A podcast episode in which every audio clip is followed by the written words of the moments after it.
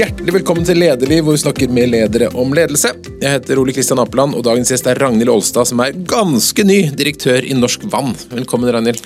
Mange takk Det er ikke så lenge siden du starta. Nei, eh, jeg starta jobben eh, som direktør i Norsk Vann eh, rett etter påske. Ja.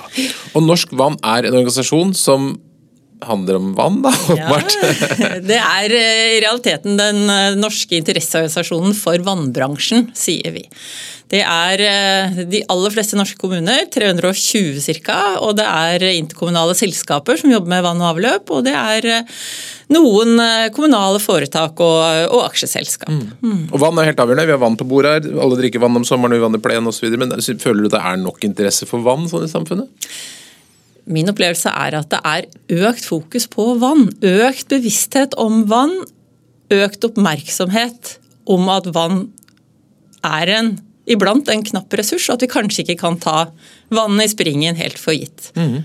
Dere er litt over 20 ansatte, 17 på Hamar og lite, et lite Oslo-kontor. Ja, et distriktskontor, kaller vi det. Ja, så bra. Hva, hva er det dere skal prøve å få til? Vi eh, er jo da interesseorganisasjonen. Vi jobber for best mulig rammebetingelser for de som eh, produserer drikkevann og, og, sikrer et godt eh, avløpssystem. Eh, vi jobber med kompetanseutvikling. Eh, vi jobber med teknologiutvikling og for at denne sektoren rett og slett skal bli mest mulig både effektiv og, og innovativ. Og nå, Vi har jo fått beskjed om at vi må drikke mye vann, så det gjør vi i sommer. Men eh, kan vi med, altså, kan vi trygt drikke vann overalt i Norge? Eh, vann i springen er rent og godt. Eh, for øvrig er vi kanskje vant til at eh, Eller tradisjonelt så har vi tenkt at alt norsk vann er rent, men etter hvert har vel de fleste fått med seg at går du en fjelltur, så bør du kanskje ta med deg springvann på flaske, og være i hvert fall litt oppmerksom på hvor du fyller flaska når du er på tur. Men eh, Hvis det er bevegelse og det ikke ligger så mye døde der, så går det bra. Ja. Men vi har jo, for vi liker jo å tenke at vi har liksom verdens beste vann. Ja. Og vi har, eh, vi har, langt på vei verdens beste vann, og trygt vann i springen og gode mekanismer som sikrer det. Samtidig så fordrer jo det at veldig mange gjør en viktig jobb som ikke nødvendigvis eh, alle de andre er oppmerksom på. Og så vet jeg at mange steder, i hvert fall her i Oslo-området, har vært og er sånne enorme byggeprosjekter som er knyttet til, til, vannsikkerhet. Kan du si noe om det? Det stemmer. Eh, Oslo kommune jobber nå med å få et Eh, tilførsel, eller en ny tilførsel eh, av drikkevann fra Holsfjorden. Um, og det ligger jo et stykke frem i tid å få det på plass, men det er samtidig en, et prosjekt og et arbeid som har vært etterspurt i mange år, og som, som ja, nå er i gang. Det er megaprosjekt der jeg bor, så kjører det en sånn dobbel lastebil hvert annet minutt hele døgnet omtrent i årevis for å lage en stor underjordisk hall. Så det er jo store og dyre prosjekter, dette. Mm. Er det fordi at vi har dette med, med klima å gjøre, eller er det terror, eller hvorfor holder vi på dette? Det er eh, generelt uh, å sikre robusthet i tilførselen av drikkevann. Uh, og det er klart, si utfordringsbildet som du nevner nå, det har blitt mer aktualisert de siste åra.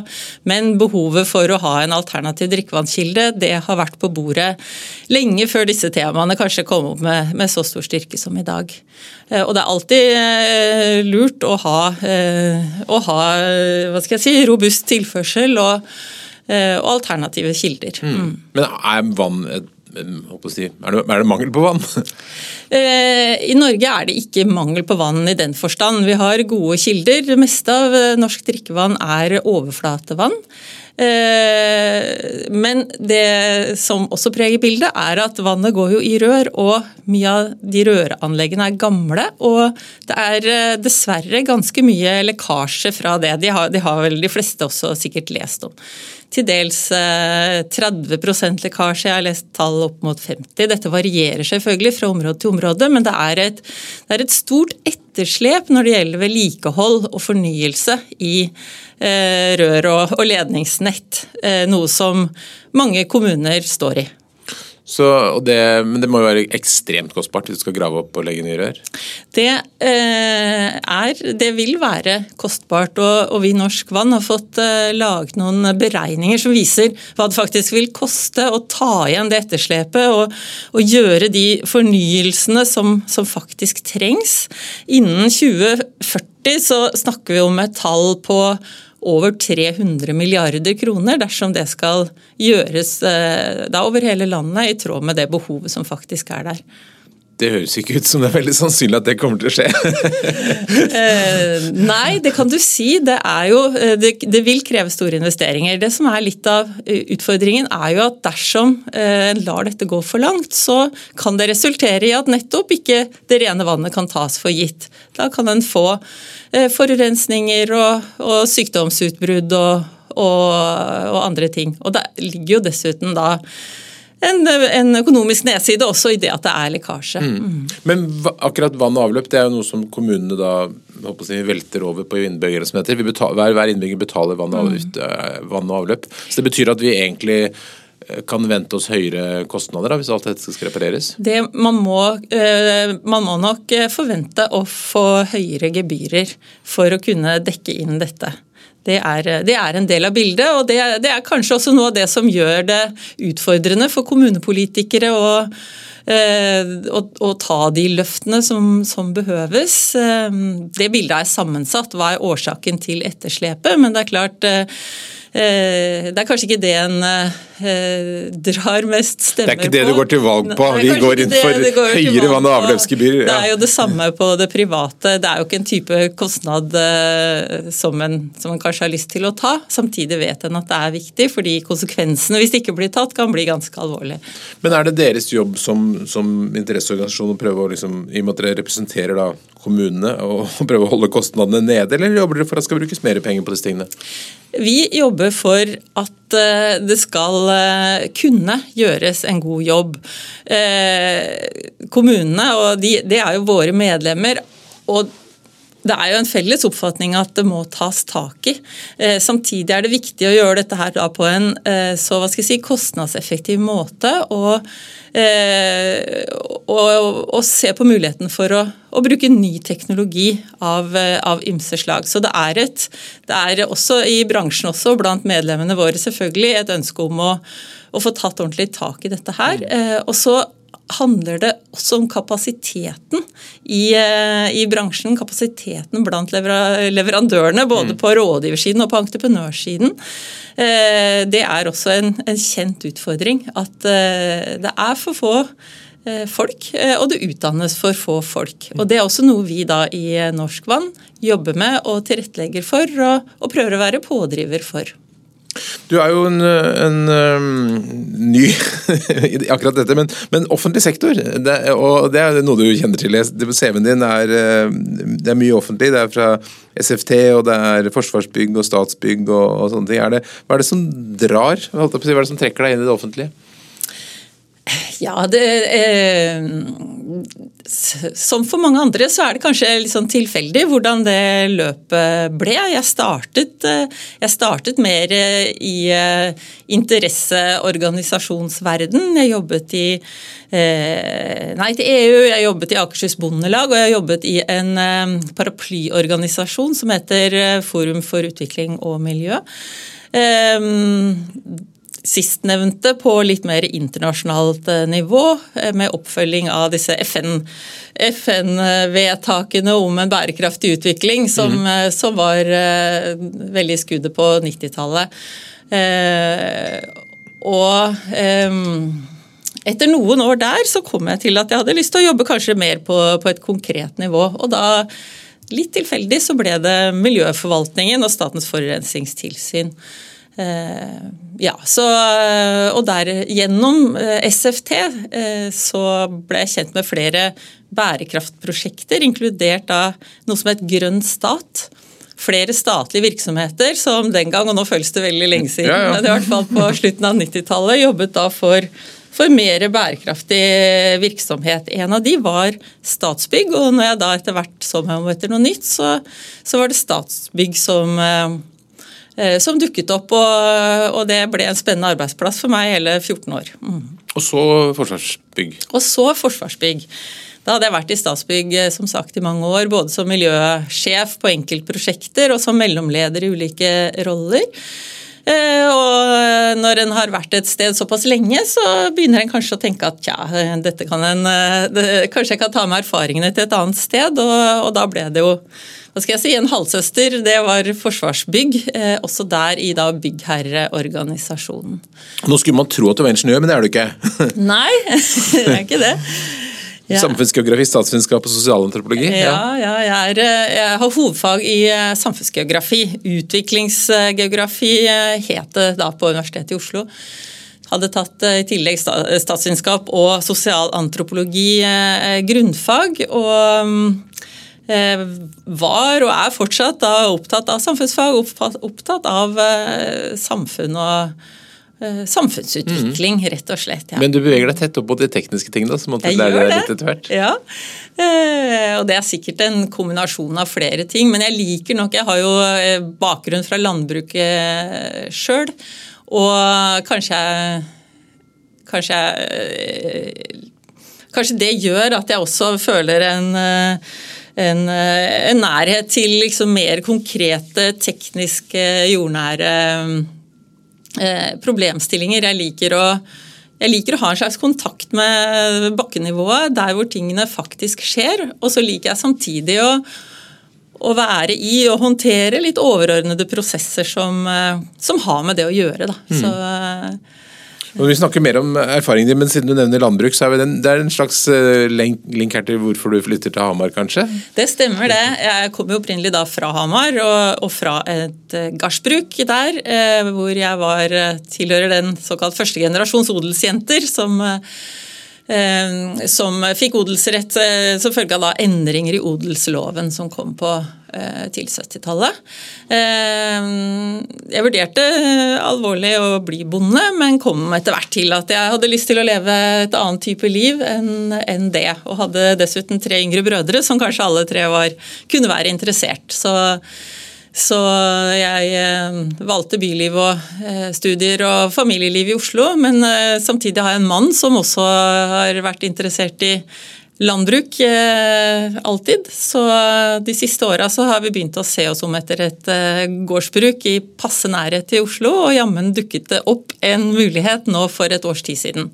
Så vi kjøpte eh, en gard eh, i Vang, eller Hamar kommune, i fjor sommer med boplikt, og dermed ble det litt krevende å se for seg å pendle til Tønsberg, hvor DSB, som da var min forrige arbeidsgiver, holder til. Og så dukket det da opp denne muligheten. så Utlyst stilling som direktør i Norsk Vann med hovedkontor på Hamar. Og, og da, det, da, må du ha vært kjempeglad da du så annonsen. det var jo en perfekt kombinasjon. Det føles eh, per nå i hvert fall som en perfekt kombinasjon. Riktig sted og riktig fagområde. Det er jo fantastisk. Hva skal du drive med på den gården?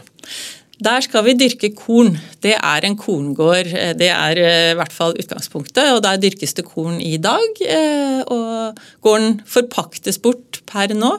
En avtale som gjelder i to år til, så vi rekker akkurat å på en måte få område oss. Eh, samtidig er mannen min på utkikk etter etter redskap og traktor og i det hele tatt, så vi kommer nok til å drive sjøl, ja. Når når den eh, forpakningsperioden er omme. Veldig gøy. altså Tilbake mm. til landet og bondelivet. Ja. Ja, det er liksom Vedums drøm. Dette er folk som flytter ut fra byene og ut på landet og driver gård. Sånn skal det være. Ja, mm. Storartet. Eh, men eh, hvis vi legger da landbruket litt til side og snakker om ledelse, når fikk du lederansvar første gang?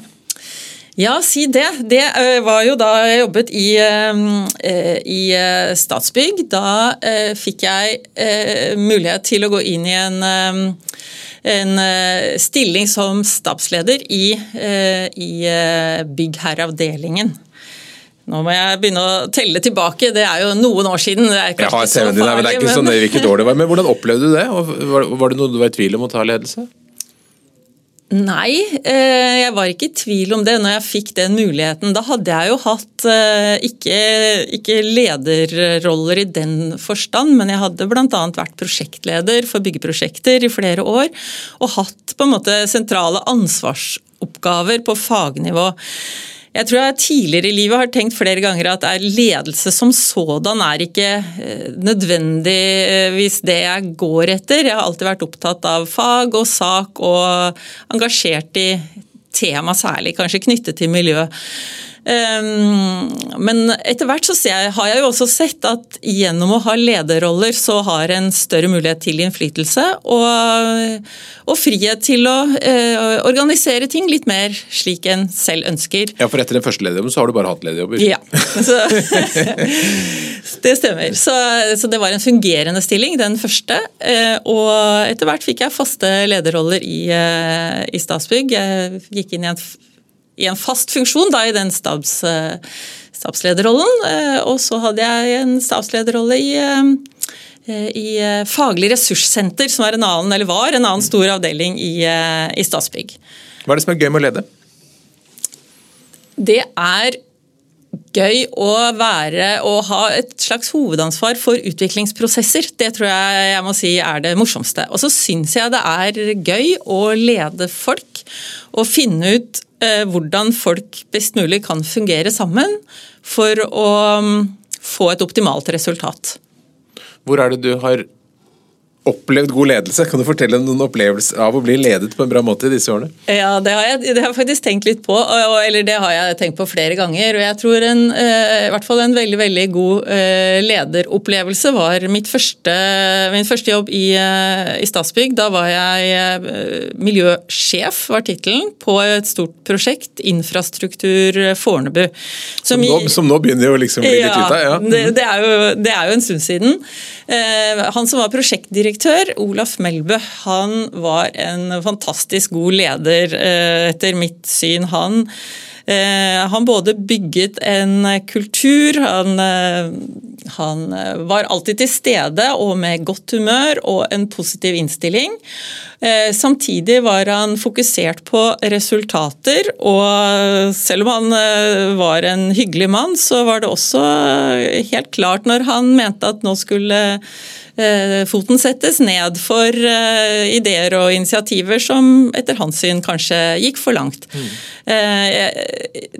Det, det, beste, hva skal jeg si, eller det som jeg kanskje særlig gjør at jeg tenker på han som en god leder, det er den måten han eh, tilrettela for min rolle. som jeg, jeg, satt jo da i hans team som miljøsjef. Eh, og han var opptatt av å gi meg den autoriteten og den rollen som han mente miljø, eh, si, miljøaspektet ved prosjektet skulle ha. Det var nok litt av grunnen til at tittelen var såpass eh, solid.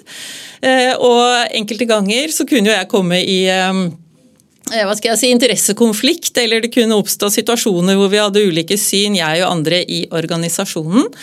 Og jeg husker at han Og jeg diskuterte disse tingene med han, og så husker jeg han sa Eh, jeg kan selvfølgelig gå inn og tydelig hjelpe deg her, men da er det en risiko også for at jeg undergraver din autoritet.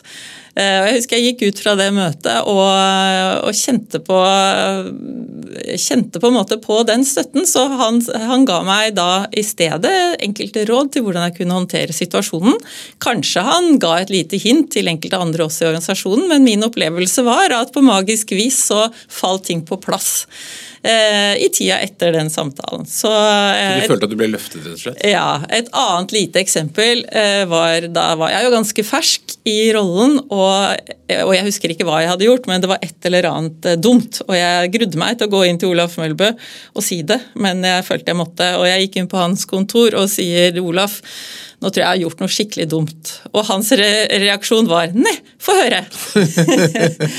og det tenker jeg er en Ja, det er sånne opplevelser som jeg har prøvd å ta meg også i lederlivet mitt sjøl. Mm. Men uten å navngi noen, har du også opplevd noe dårlig ledelse? Kan du gi noen eksempler på hva som er demotiverende?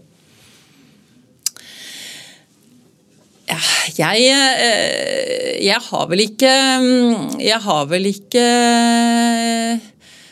Eh, selv opplevd eh, dårlig ledelse i den forstand, men jeg har jo iblant observert, og det er da kanskje ikke nødvendigvis mine egne arbeidsforhold, men at hva skal jeg si, ledere som ikke spiller medarbeiderne sine gode, som skaper usikkerhet om hvor de faktisk vil, eller som i verste fall kanskje faller medarbeiderne i ryggen. Det, det, det, har jeg i hvert fall kunnet observere, om enn på avstand. Så det er ikke nødvendig å på en måte verken nevne eller ikke nevne navn, men, men det kan man jo oppleve i store organisasjoner. Mm. Og det kan være tilsikta eller også ikke tilsikta.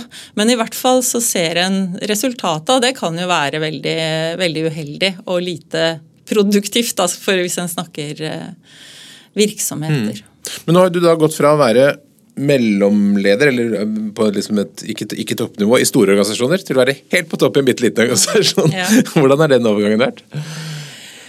Det er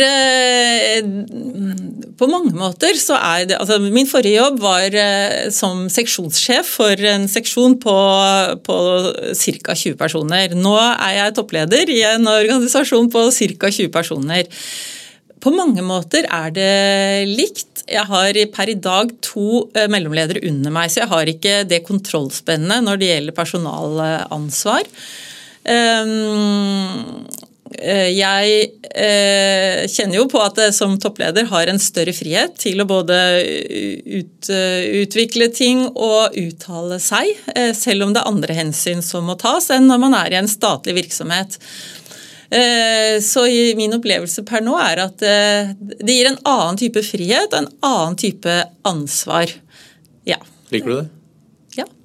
Per nå så liker jeg det. Eh, samtidig har jeg satt veldig pris på de de ledersituasjonene jeg har vært i, også tidligere. Så der hadde jeg gått fra da den type virksomhet jeg er i dag, og til, til, en av de andre jeg har vært i tidligere, så ville antagelig det også opplevd det som både spennende og, og utfordrende. Mm. Mm. Men når du liksom er den som alle ser på når noe skal, når det skal ordnes, liksom du er øverst i, mm. i trakta, um, stiller det noen nye krav til deg? Ja, det gjør det selvfølgelig. En må tenke litt må tenke litt annerledes. Og eh, det er klart eh, alle, alle, ser på den som er leder. Samtidig så må jeg si, nå har jeg vært der i snaue tre måneder. Mm. Jeg har et veldig godt apparat eh, i form av mitt eget sekretariat med veldig solide både mellomledere og medarbeidere. Så jeg, foreløpig, så, foreløpig så kjenner jeg at jeg kan rådføre meg med, med eh, mine, mine, medarbeidere og mellomledere, og ikke minst da min assisterende direktør som har lang fartstid. Ehm, så jeg føler ikke at jeg er sånn eh, on my own i dette. Men eh, det er en annen type rolle som fordrer en annen type eh, tenking. Og en ganske stor forskjell tenker jeg, er at når du er en del av et, et statlig byråkrati, som man er i en forvaltningsenhet, så, så handler det jo til syvende og sist om å følge opp politiske vedtak og eh, grunnleggende sett ikke stille statsrådene i forlegenhet. Det er mm. sikkert noe mange vil kjenne igjen som har den bakgrunnen. Eh, og Det er forståelig, og vi skal være stolte av den, den politiske modellen og det, og det, byråkratiet vi har i Norge. Og Samtidig legger jo det visse begrensninger på hva man kan gjøre og hvordan man kan gjøre ting. Og, og Det var det jeg kanskje mente med den friheten jeg kjenner på nå. Samtidig så mm, er det jo en frihet som eh, innebærer at du skal ivareta da over 300 medlemsvirksomheter. Og det er en annen type ansvar, et annen type lojalitetsforhold som jeg også tar veldig på alvor. Men tenker du at du nå vil, må være en mer utadrettet leder og være mer synlig? Ja. Det kjenner jeg, eh, det, det, kan jeg, og det bør jeg. Mm. Mm. Er det noe som girer deg opp, liksom, positivt til?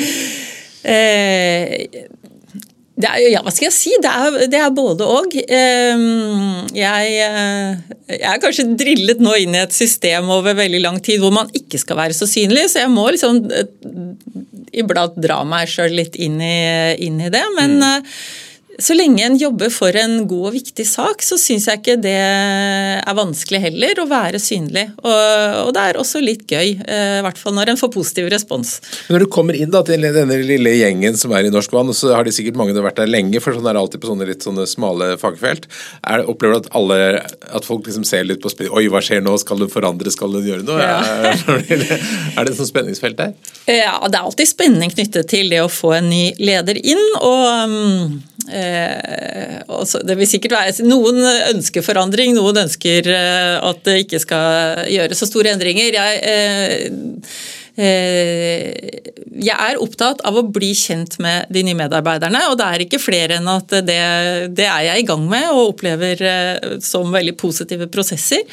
Eh, jeg er nok en person som kan ha en tendens til å kaste opp mange baller og tenke endringer og utvikling, kanskje litt for raskt iblant.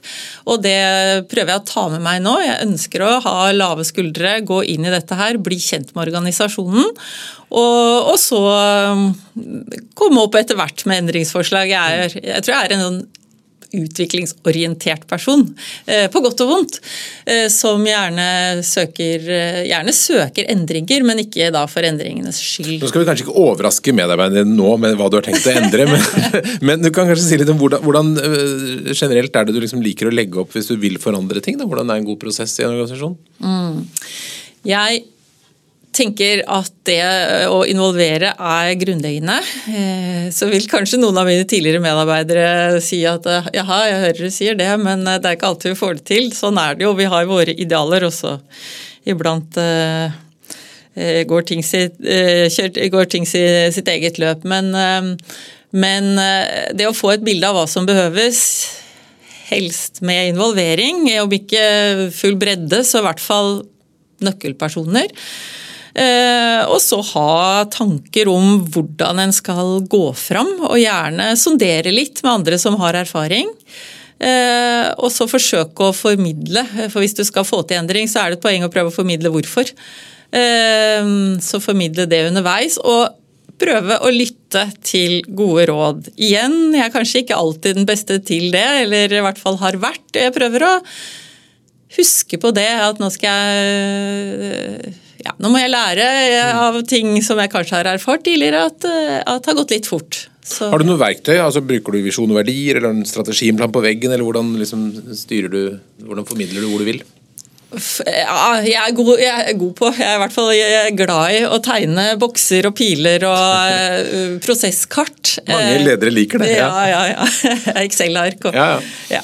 Um, og det bruker jeg nok eh, gjerne når jeg kommer dit. Uh, vi, uh, samtidig så har jeg jo medarbeidere som også er gode på prosesskart, litt avhengig av hva vi vil oppnå. Uh, Bl.a. når det gjelder si det interessepolitiske arbeidet. Det å si kartlegge kartlegge, identifisere hvem er det vi, hva er det vi ønsker å oppnå. Punkt én. Punkt to, eh, hvem kan være alliansepartnere. Punkt tre, hva slags prosesser osv. videre. og da kommer jo både boksene og, og pilene og skjemaene ganske fort. Men og så er det viktig å ikke fortape seg i disse verktøyene. Eh, holde fast ved hva vi faktisk ønsker å oppnå, og ikke å holde, holde fart, holde styringsfart kanskje i retning av hva vi vil oppnå. Og ha en sånn prioritering også fordi vi Noen av disse politiske prosessene går jo ganske fort, og da er det kanskje greit å skjønne at en ikke får oppnår alt, men ha fokus på det som er aller viktigst. Mm. Mm. Har du vært med på endringsprosesser hvor det har vært uklart for de berørte hvor man egentlig skulle?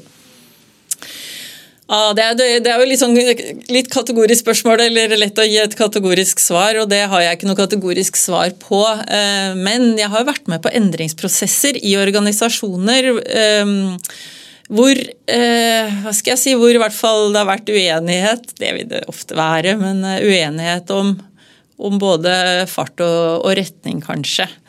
Ehm, hva gjør det da? Hvordan blir den prosessen da? Nei, det, det, man risikerer hvis det er uenighet og for lite hva skal jeg si, En ting er involvering, men også lite informasjon og lite forståelse av hvorfor. Det er at da kan det fort bli energi på avveie. Eh, da brukes det, er min erfaring, eh, for mye tid rundt i organisasjonen til å snakke om dette og være frustrert, og man kan tillate seg å ja, rett og slett bruke for mye tid på det. Mm. Det, det tenker jeg, det er i seg sjøl uheldig. og lojalitet lojaliteten også til, til, virksomheten blir jo da svekket. Samtidig så er det iblant eh, nødvendig med også litt smertefulle endringsprosesser. og Iblant så kan prosessene ta for lang tid. Eh, så iblant er det også riktig å skjære igjennom og ta den omkostningen det da medfører. Men en må vite hva som kan være konsekvensen av de valgene en tar som leder. Og så er det ikke helt svart-hvitt det der med hva slags motstand man ønsker heller. For du ønsker ikke bare med deg som nikker og smiler og gjør alt du sier. Det skal vel være noe friksjon? Yes, det, det, kan, det, kan, være Det kan komme positive resultater ut av ut av også eh, friksjon og, og, og, krevende prosesser. Det kan det. Og en kan, skal ikke, da blir en gjerne stående på stedet hvil hvis en skal lytte til alle innspill fra alle kanter. Så, så ja. Det, men eh, det å ha en viss sånn eh, følelse av pulsen i organisasjonen og, og, som sagt, det å ha gode begrunnelser for uh, hvorfor en gjør det en gjør, og tørre å være åpen om det, det er sjelden uh, dumt. Mm. Hvilke ambisjoner har du for uh, livet i, i, Norsk Vann? Hvordan, jeg regner med at du skal, du skal ha liksom 100 topp vannett i hele landet når du, når du, er ferdig? Ja, ja, ja. Så lenge har jeg tenkt å leve. altså, ambisjonen er å kunne ta tak i de store tingene. Og En stor ting er jo dette investeringsbehovet som vi snakket om. Ta igjen etterslepet eh, og gjøre de fornyelsene eh, som trengs for å, å sikre, et, sikre, rent vann da, i, i, et langsiktig perspektiv. Mm.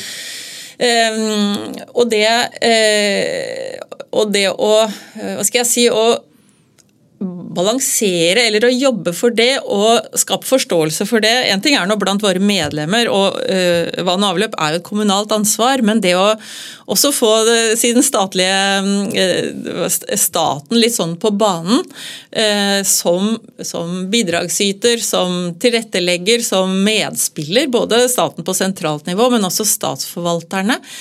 Eh, som jo har, har, den løpende kontakten med kommunen, det, det, tror er, eh, det, tror jeg er, viktig. Så per nå så er en, eh, en viktig ambisjon for meg det er å prøve å få, å få til en hva skal jeg si, å jobbe for en modell hvor vi kan få tatt igjen dette etterslepet uten at det skal koste altfor, altfor mye. Ser du for deg at dere skal bli en mer synlig organisasjon i samfunnet? Eh, det, det, kan vi, og det bør vi kanskje også bli. Eh, og i, eh, i, tråd med det at vann som ressurs er stadig høyere på dagsorden, så vil det kanskje også skje. Mm. Ehm, et annet tema som jo eh, har vært med meg lenge, det er jo dette med samfunnssikkerhet og beredskap, og hvor vann og vann og avløp er eh, to viktige, for ikke å si kritiske samfunnsfunksjoner. Også i et beredskapsperspektiv. Kanskje Det har vært mye snakk om Vi skal ha vann hjemme? Ja, ja vi, skal, vi, skal, ha vann hjemme. Vi skal ha det for tre døgn, minst. Det er så. Men eh, det har vært mye fokus på strøm det siste året, og strømpriser. og forsyningssikkerhet også kanskje av strøm. Det er viktig å tenke ikke minst på både vann og på avløp. Eh, og så henger disse tingene sammen. Uten strøm så fungerer mange steder ikke verken vann eller avløp. Så, men at det er en Eh, hva skal jeg si, et, et, forhold vi må ha fokus på, uh, sammen med andre samfunnsaktører, det, det, det, kommer nok jeg til å være mm. jobbe for. Mm. Nå, jeg vet at du er ny, men Er det noen mønstre på hvem som er gode og dårlige? Er det sånn at de små kommunene er dårligere enn de store, eller er det søre nord eller andre sånne trender? Mønstre? Ja, det er jo som på mange andre områder. De store har jo mer muskler. De mm. har mer ressurser. Det er sterkere fagmiljøer. De ligger kanskje mer sentralt. Eh, I små kommuner er det kanskje én person som skal eh, ivareta både vann og avløp og annen type infrastruktur. Eh, så da sier det seg sjøl at de er, de er iblant dårligere stilt, selv om det jobbes hardt og godt. Og da må en også tenke kanskje utradisjonelt, kanskje mer samarbeid bl.a. på tvers av kommunegrenser. Det er jo noe vi ser en økt tendens til, og det er noe vi jobber for og, og oppfordrer til og, og kanskje ja, tilrettelegger for. Mm. Og det er også noe av, Hvis vi først snakker om statlig bidrag, så er kanskje det noe av der vi ser at der kan Unnskyld meg, dette var virkelig en stor virkelig på flymodus. Det står bilde av et fly her. Whatever. ja. Skal vi se. Fortsett derfra.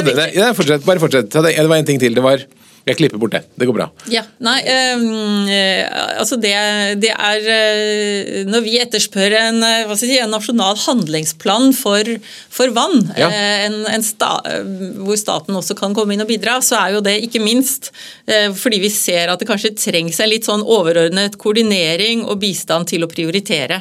For det er som sagt et stort etterslep som skal tas igjen over hele landet. I tillegg har vi noen noen særskilte utfordringer. Vi, vi har jo alle hørt om eh, Oslofjorden og eh, behovet for eh, å rense næringsstoffer bedre. Mm. Og med da den kapasitetsmangelen som er i bransjen, så er det kanskje behov for litt sånn harde prioriteringer. Hvor skal en sette innsatsen først? Og kanskje Eh, kan det da være nyttig at staten kommer inn og har eh, synspunkter på det, i tillegg til å fasilitere og gi litt drahjelp. Mm. Mm. Vi snakker hele tiden om vann og avløp. Mens du er i Norsk Vann, betyr det, driver du også med avløp? Eller? Ja. ja. Norsk Vann det er både vann og avløp. Ja, så du, er, du er, kunne godt hett Norsk Avløp, men du heter Norsk heter Vann og Avløp? Vann, I Norge ja. er jo vann avgjørende for avløpssystemet. Ja, mm. og det henger veldig sammen, selvfølgelig. Yes. men det, har vi like store problemer både på vannettet og avløpsnettet? Ja, eh, i realiteten kan en si det. At det er, ofte ligger jo det hva skal jeg si, ved siden av hverandre i grøftene mm. osv. Eh, vannledning og avløpsrør. Så, og Problemet er, vel når det blander seg kanskje yes, særlig? Ja. Med lekkasje og overtrykk og undertrykk så kan en jo se for seg at eh, at det kan blande seg iblant. Det er jo en av de mm. risikoene vi ser. Mm. Har du måttet lære deg nye ting nå? Har du lest noen bøker om vann og avløp? ja. Nei, jeg lærer, eh, jeg lærer, stadig. Og det er jo en mengde eh, prosjekter, rapporter, studier eh, som, som vi står bak, vi i Norsk Vann. Men også rådgivbransjen og og forvaltningen. Så jeg driver og leser meg opp, og det er alt fra da biokjemiske prosesser til interessepolitiske prosesser som, eh, som, som jeg må lære meg mer om. Mm. Spennende. Vi får nesten invitere deg tilbake om noen år, tenker jeg høre hva du har fått til. Eh, helt til slutt, Ragnhild Aastad. Hvis det kommer en ung person til deg og vil bli leder, hva er de tre viktigste lederrådene vi gir? Ja, eh, eh, ha et eh, engasjement for folkene. Eh, forståelse for folkene. Ha forståelse for eh, prosessene. Og en aller viktigst, kanskje, forståelse for målene og hvor du vil. Og så vil jeg kanskje med da lang fartstid i forvaltningsapparatet si forståelse for rammebetingelsene. Mm. Ja, for det er viktig. Å skjønne ja. spillereglene man jobber innenfor. Ja. Men så lenge man er leder, og da leder for en organisasjon som har med folk å gjøre, selv om en ikke har et stort personalansvar selv, så tenker jeg det er grunnleggende å ha en eh, interesse for, en forståelse for hvordan eh, folk jobber sammen. Mm. Da tror jeg vi avslutter med å konkludere at man kan kose seg med norsk vann i sommer. Det er rent og godt og fint å drikke, og, men at man kanskje må forvente litt høyere vann- og avløpsgebyr i årene som kommer. Det stemmer. Og vær litt obs på når kommunen sier at du skal spare på vannet, så handler ikke det nødvendigvis om at det er for lite vann, men at ledningsnettet ikke tåler ja. at alle vanner samtidig og dusjer, og kanskje skal det være trykk igjen til å slukke branner. Derfor har vi datovanning. Yes. Veldig bra. Ragnhild Olstad, tusen takk for at du kom til Lederliv. Lederliv er en podkast fra Apeland. Redaksjonen består av Ingrid Hogneland, Johanna Eidsvoll, Lars Jarle Melum og meg som heter Ole Kristian Apeland. Og du er hjertelig velkommen til å sende ros, ris, tips om ledere eller hva du måtte ønske til ole.apeland.no. Takk for at du lytter.